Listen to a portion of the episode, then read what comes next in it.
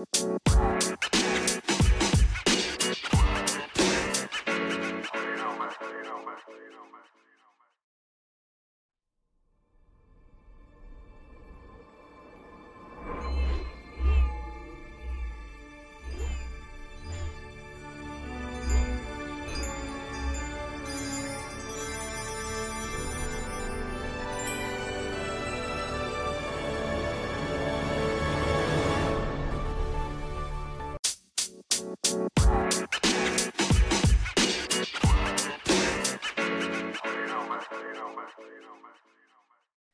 pokoknya di situ gue disiksa dari mental fisik pikiran tenaga as pokoknya gue udah bete banget lah.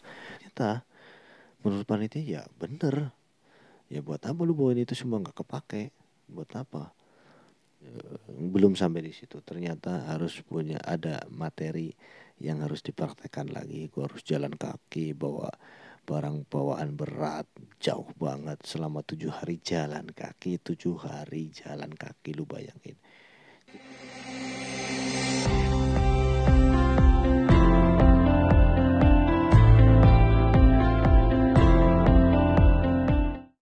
Halo sobat petualang di mana pun kalian berada. Selamat datang di podcast Pecandu Adrenalin Podcast yang akan membahas tentang seputar petualangan-petualangan yang sangat menarik. By the way nama gue Wildos. Perkenalkan gue adalah seorang yang suka dengan petualangan.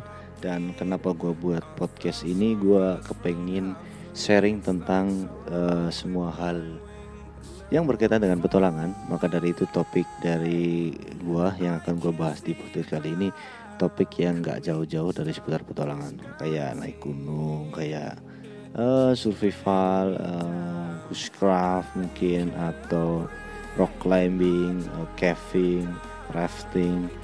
Buat yang nggak tahu nanti ada translate-nya ya kayak ya kayak gitu kayak petualang-petualang ada arung jeram ada uh, uh, uh, ya pokoknya yang sesuai dengan petualangan lah seperti itu.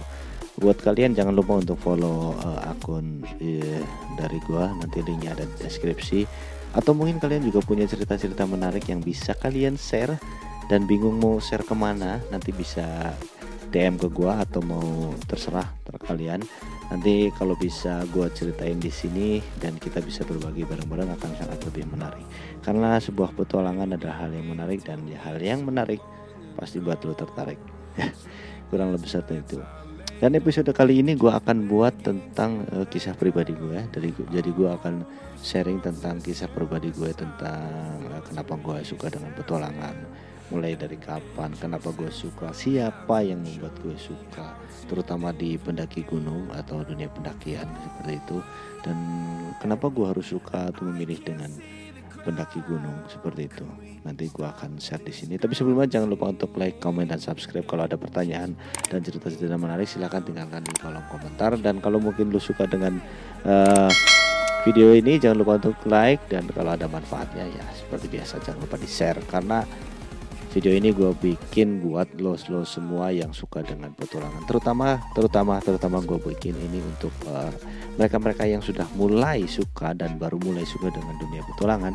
Gue kepengen berbagi kisah menarik atau uh, gue pengen sharing tentang uh, petualangan seperti itu dan mudah-mudahan ada manfaatnya. Gue akan kasih tips trik dan sesuatu yang bermanfaat nanti gue akan bagi-bagi buat kalian gratis. Maka dari itu jangan lupa untuk support dan mungkin uh, bentuk support dari lu adalah cerita menarik lu sendiri yang gua bisa bawain di sini atau bahkan mungkin bisa nanti lu yang ada di samping gua dan kita ngobrol bareng-bareng di sini.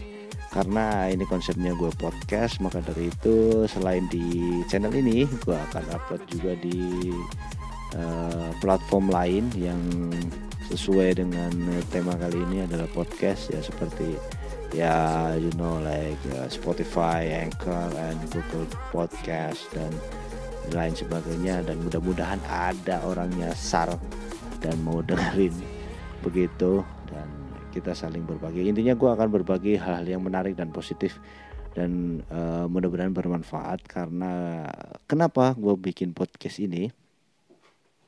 Jadi belakangan ini itu gue denger berita-berita yang kurang enak dari pendaki gunung ya kayak kemarin lu halo anak gue belum tidur jadi uh, lagi dengerin di belakang. By the way, ya gue kemarin denger cerita uh, berita yang kurang menarik di dunia pendakian. Uh, Aldi, siapa gue lupa namanya, pokoknya yang kemarin di Gunung Lawu dan ada yang jatuh dari tebing, kemudian dari puncak uh, gunung itu. Gue, uh, Hai mau ke mana?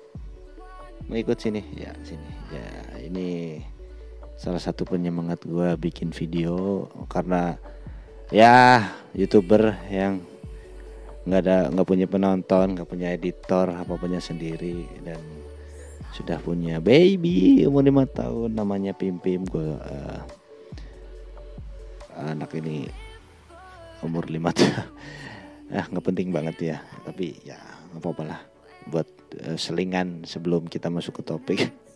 Seperti itu. Ya tidur sana.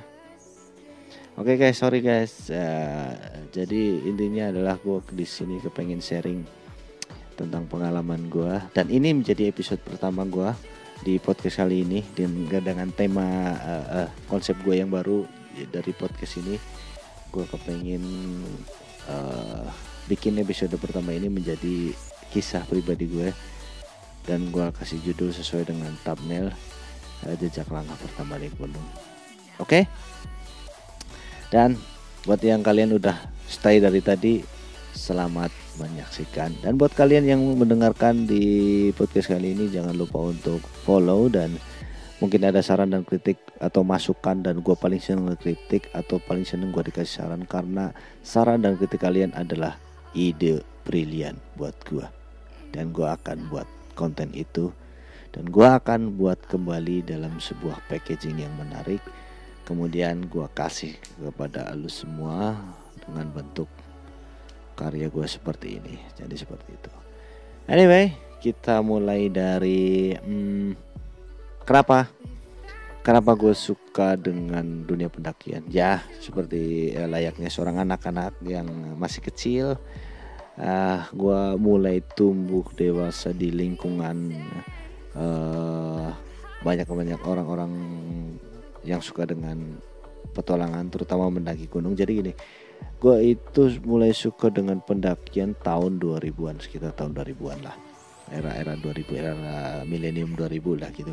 Depan rumah gue itu ada sebuah kebun kecil dan ternyata setiap malam minggu banyak anak-anak dewasa yang yang yang umurannya di atas gua yang contohnya kalau gua umur uh, gua baru umur 10 tahun uh, yang 17 tahun 18 tahun itu pada main-main di kebun dan yang gue bikin menarik adalah mereka itu bikin masak-masakan. Ya kayak uh, uh, uh, mainan anak-anak lah. Tapi mereka setiap malam minggu itu pada bikin masak. Lu bisa bayangin nggak? Uh, mereka bawa peralatan camping zaman dahulu zaman dahulu itu yang yang yang kompornya kompor portable-nya itu masih pakai parafin ya. Gue gue tahu parafin itu. Dan itu sih udah ke sini ya kalau menurut gue tapi kebal dulu masih ada yang kompor minyak tanah tapi yang kecil itu. Dan pakai ketel wajan itu pakai ketel itu yang kecil. Dan mereka pada masak-masakan di situ. Dan gue rasa wah ini menarik nih. Mereka pada ngapain nih? Pada masak-masakan bawa tenda bawa lampu badai. Karena depan rumah gue ada kebun itu uh, setiap malam minggu setiap malam minggu mereka pada main pada uh, uh, cerita ngobrol-ngobrol belum ada HP dan rasanya pada waktu itu masanya sangat bahagia banget. Nah, mereka berkumpul terus kalau mau kumpul harus e, ke rumah temennya dulu. Yo main yo gitu. Kayak gitu-gitulah pokoknya nyenengin banget lah dan ya untuk tahun ke sini uh, lambat laun uh, entertainment gue selain main dengan anak-anak di masa itu TV terutama. Ya yang kedua. Ya ya terutama uh, eh, gue dulu itu suka dengan film-film yang uh, aneh dan menarik uh, atau unik. Jadi uh, tentang hewan-hewan tentang uh, uh, flora dan fauna kayak gitu kayak gitulah. Dan ternyata pas waktu gue main di tempat uh, temen gue yang orang punya atau orang kaya dengan ekonomi yang lebih ternyata ada channel TV yang menyiarkan kayak dulu itu apa ya kayak National Geographic lah pokoknya atau apalah waktu itu. Dan gue ah gue seneng tuh. Padahal tapi gue belum belum belum belum belum tertarik banget sama uh, uh, itu. Ternyata setelah gue punya uh, tontonan sendiri di rumah nyokap gue sering nonton setiap hari pas sore hari itu tentang jejak petualang. Jadi ada uh, host cewek host cewek dulu itu dari Randy Jangkaro lu, lu tahu semua ya. Dan de, dia lagi main ular terus uh, mendaki gunung. Pertama itu kalau nggak salah di ekspedisi Papua deh kalau nggak salah. Kalau nggak salah ya yang gue tonton. Kalau lo yang pernah ngikutin uh, jejak petualang dari awal pasti tau lah. Dulu itu masih TV 7 dan dulu gue tahu acaranya itu ada tiga ada jejak petualang petualangan liar dan petualangan bahari. Dan uh, semua presenternya beda-beda. Lah nyokap gue setiap hari nonton gitu. Akhirnya gue seneng dong. Dari dulu yang di tempat gue di rumah gue itu ada motor. Suaranya masuk ke sini apa enggak? Sorry guys. Ya kepotong sedikit. Coba lagi. Jadi nyokap gue itu nonton film kayak gituan dan ada cewek berani pegang ular padahal nyokap gue takut banget sama ular. Kayak gitu. Terus akhirnya cerita-cerita sama gue bahwa e, kayaknya ada tontonan ini nih, nih kayaknya menarik nih. Aku ikut nonton bahkan sampai setiap hari sampai beberapa episode.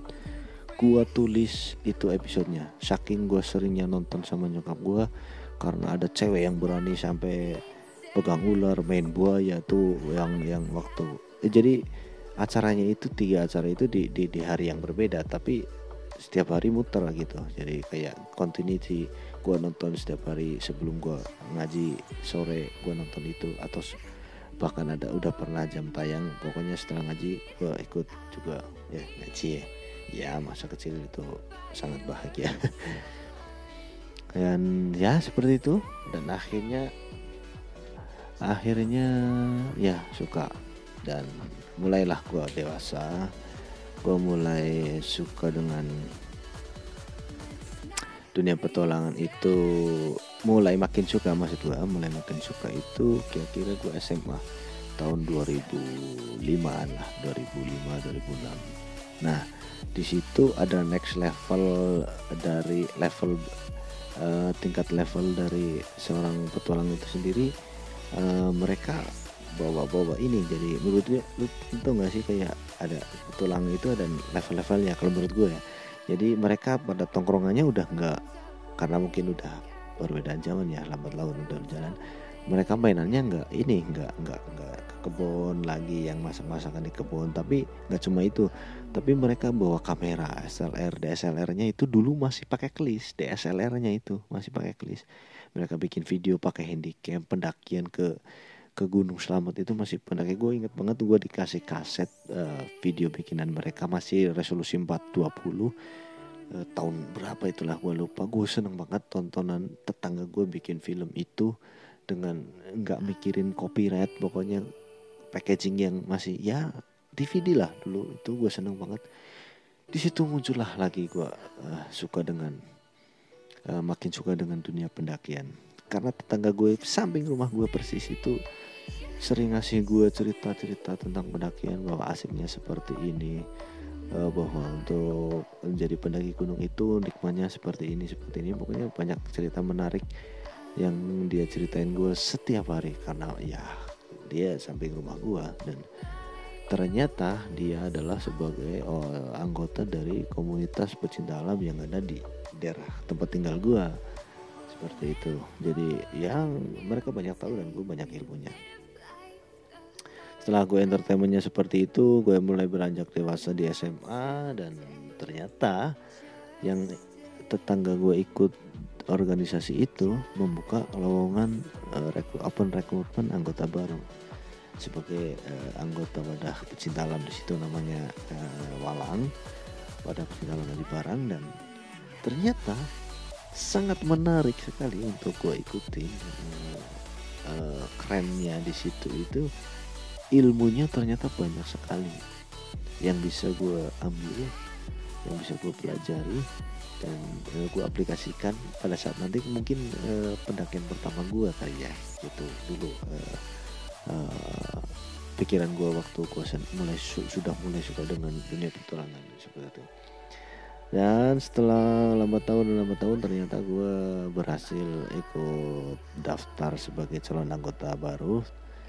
Dan di situlah mulai ada konflik uh, di mana konflik itu antara ekspektasi gue dan realitanya itu sangat berbanding terbalik.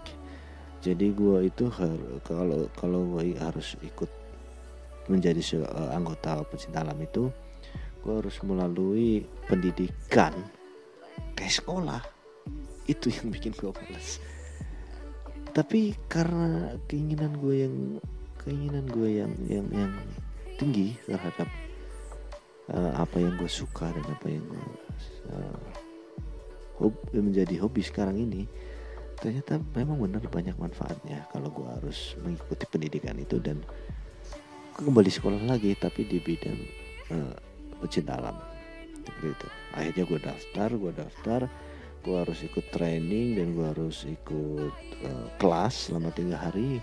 Dan di situ selama tiga hari itu gue ah pokoknya di situ otak gue harus diputar lagi. Gue udah mikir sekolah aja.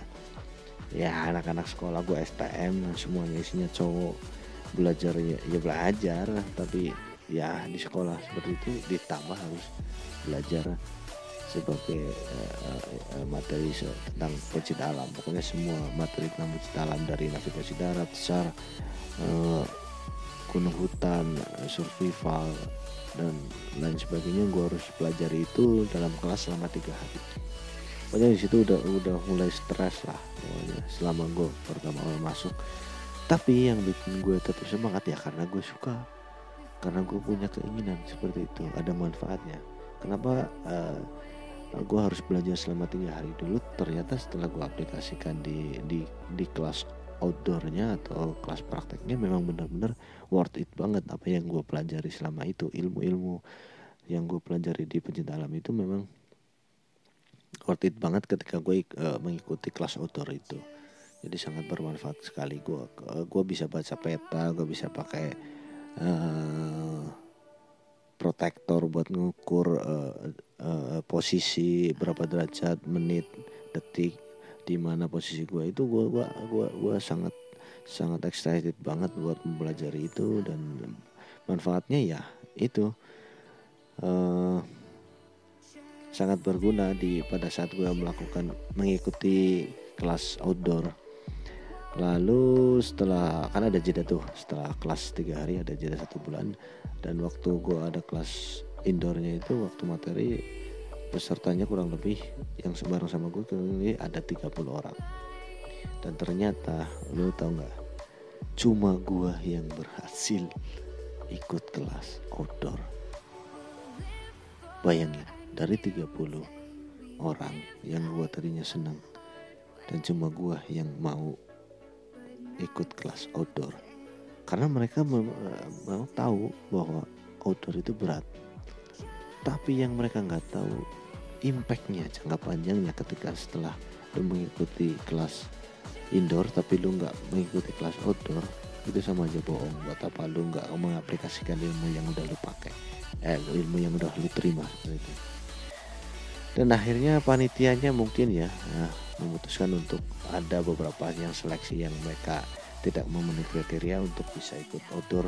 Mungkin mungkin ya menurut gue buat nemenin gue kali ya kasihan gue sendirian.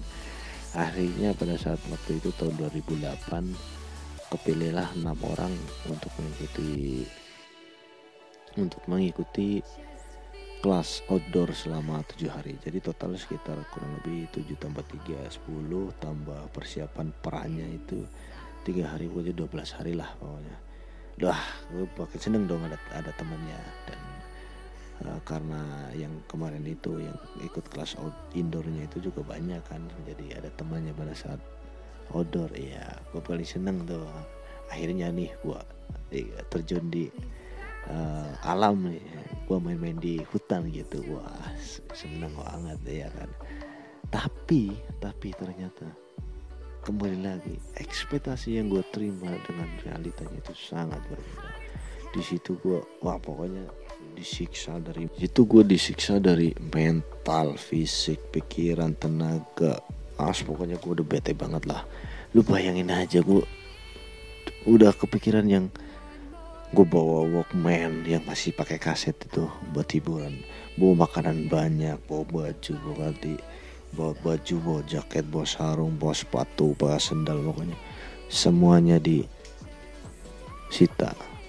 Bayangin dah kecewanya seperti apa. Wow ternyata menurut panitia ya bener. Ya buat apa lu bawain itu semua nggak kepake? Buat apa? Lu di sini adalah sebagai siswa sebagai anggota calon anggota baru sebagai uh, anggota ba calon anggota baru pecinta alam di situ. Lu buat apa bawa itu semua? Dan di situ gua harus bongkarin semua gua pilihin gua harus checklist gua tulis uh, apa yang gua bawa warnanya jenisnya berapa banyak yang yang ada yang mau gue bawa itu harus gue checklist semuanya. Checklistnya itu di, di tiga rangkap. Yang satu buat gue yang satu buat cadangan yang satu buat panitianya. Jadi jadi uh, pada saat nanti pelaksanaan memang kalau ada sesuatu yang ketukar dan lain sebagainya kita punya checklistnya dan kita bisa uh, mengatasi sebuah hal yang kecil mungkin uh, kayak tertukar dengan teman yang lain atau ketinggalan gitu. Dan ternyata memang benar. Di situ gue pada saat pelaksanaan uh, pada saat itu gue ingat banget pada saat pelaksanaan materi uh, lapangan tentang navigasi darat gue penggaris sama pensil gue jatuh. Pada saat dicek sama instrukturnya itu ketinggalan. Ternyata di checklist ada. Nah itulah uh, fungsinya dari pendidikan itu dan gue harus bawa checklist. Itu sama juga dengan lu kalau mau mendaki gunung. Lu kalau mau mendaki gunung ya harus lu bawa. Itu manfaatnya seperti itu jadi apa yang mereka bawa itu ada uh, ada buktinya ada tandanya dan bisa kita cari kalau ada sesuatu apa uh, sesuatu yang kurang enak terjadi ya kita bisa cari dengan dengan dengan dengan tanda-tanda yang sudah kita tulis seperti itu. Nah, untuk setelah itu gue sudah disiksa, udah itu belum sampai di situ. Ternyata harus punya ada materi yang harus dipraktekkan lagi. Gue harus jalan kaki bawa barang bawaan berat. Jauh banget. Selama tujuh hari jalan kaki tujuh hari jalan kaki lu bayangin. Jadi ini seperti mirip mirip seperti ya lu mendaki gunung ya perjalanan kurang lebih dari base camp sampai puncak ya cuma dua hari. Gue dilatihnya tujuh hari dengan bekal makanan yang disita dan gue harus pagi teratur. Seperti itu ya impactnya sampai sekarang gue e, mendaki gunung di mana pun gue terapin seperti itu ya akhirnya nyaman. Dan dan dan nggak ada nggak ada suatu uh, kendala yang yang yang signifikan di dalam saat gue mendaki. Jadi ya itulah fungsinya gue ikut pendidikan dasar dan akhirnya tibalah pada saat materi-materi yang lain selain pendaki gunung seperti uh, rock climbing dan dan uh, penelusuran gua ngukur gua ketinggian uh, ada di dalam ada apa aja kita gambar kita cek data-datanya ya sebagai uh, uh, uh, ilmu pengetahuan baru buat gua dan teman-teman gua waktu itu satu angkatan. Di situ belum cukup uh, gua disiksa di situ. Bayangin lah standarnya orang naik uh, uh, panjat tebing harus pakai sepatu itu gua pakai sepatu tentara sepatu hansip lu tau nggak yang yang yang. Ah pokoknya susah banget lah intinya. Tapi dibalik semua itu ternyata gue ada pelajaran tentang memang semua yang harus gue lakukan di dunia petualangan itu harus sesuai standar keselamatan apa pun itu.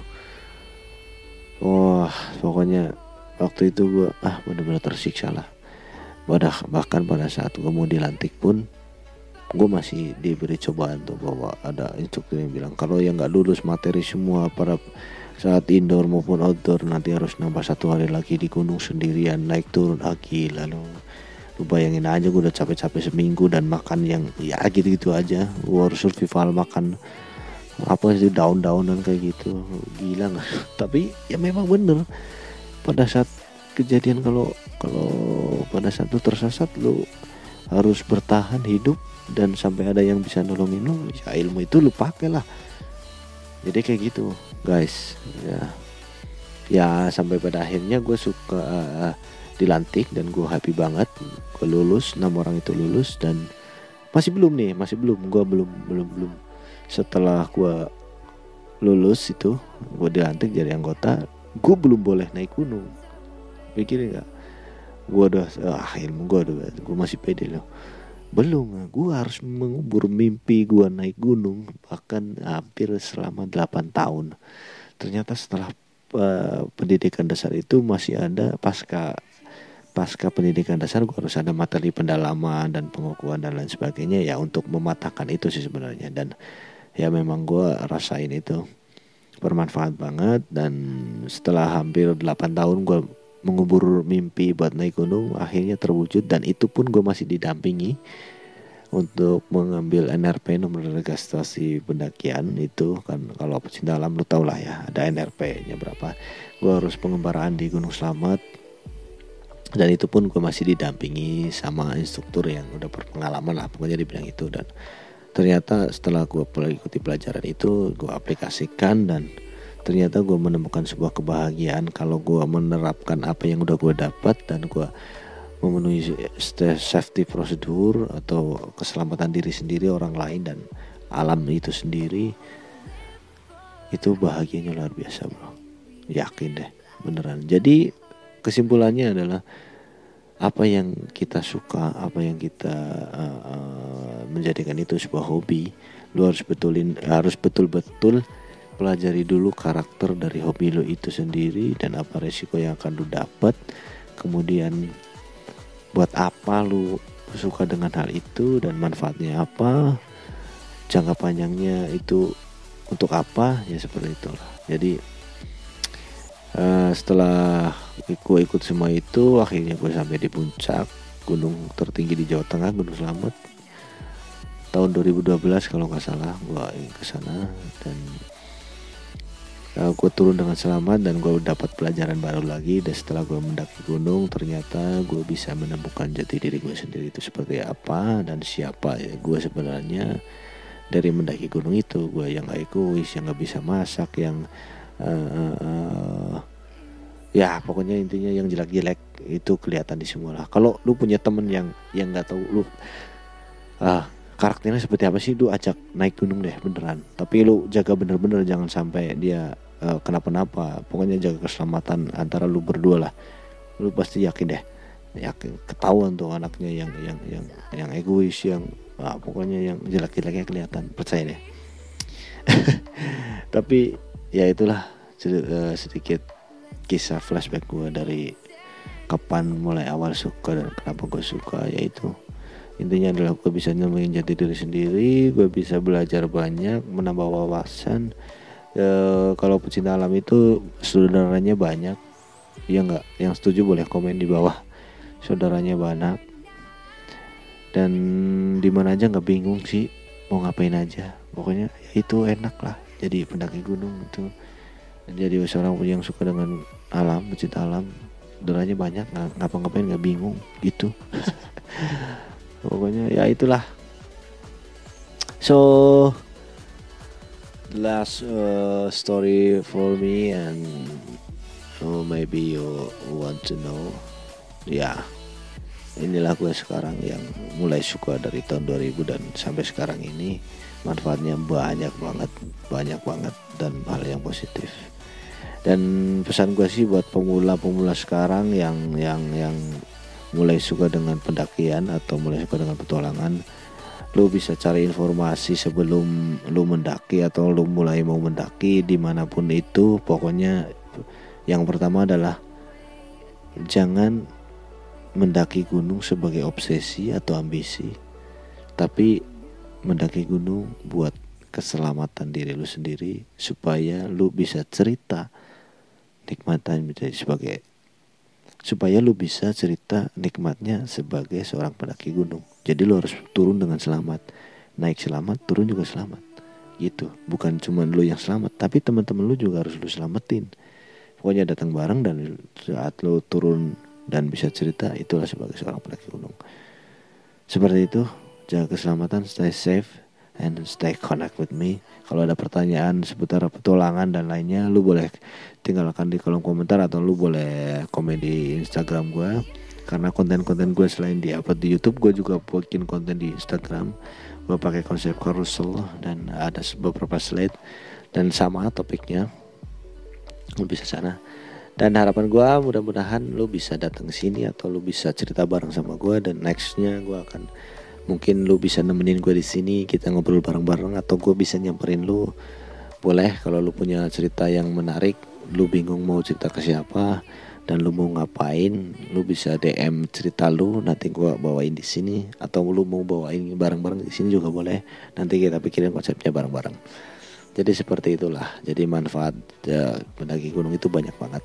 Saudaranya banyak temannya banyak uh, lu bisa jadi orang yang mandiri lu bisa punya skill tentang uh, pecinta alam banyak dan lu bisa aplikasikan di kehidupan lu sendiri sehari-hari ya itulah nikmatnya sebagai seorang pendaki.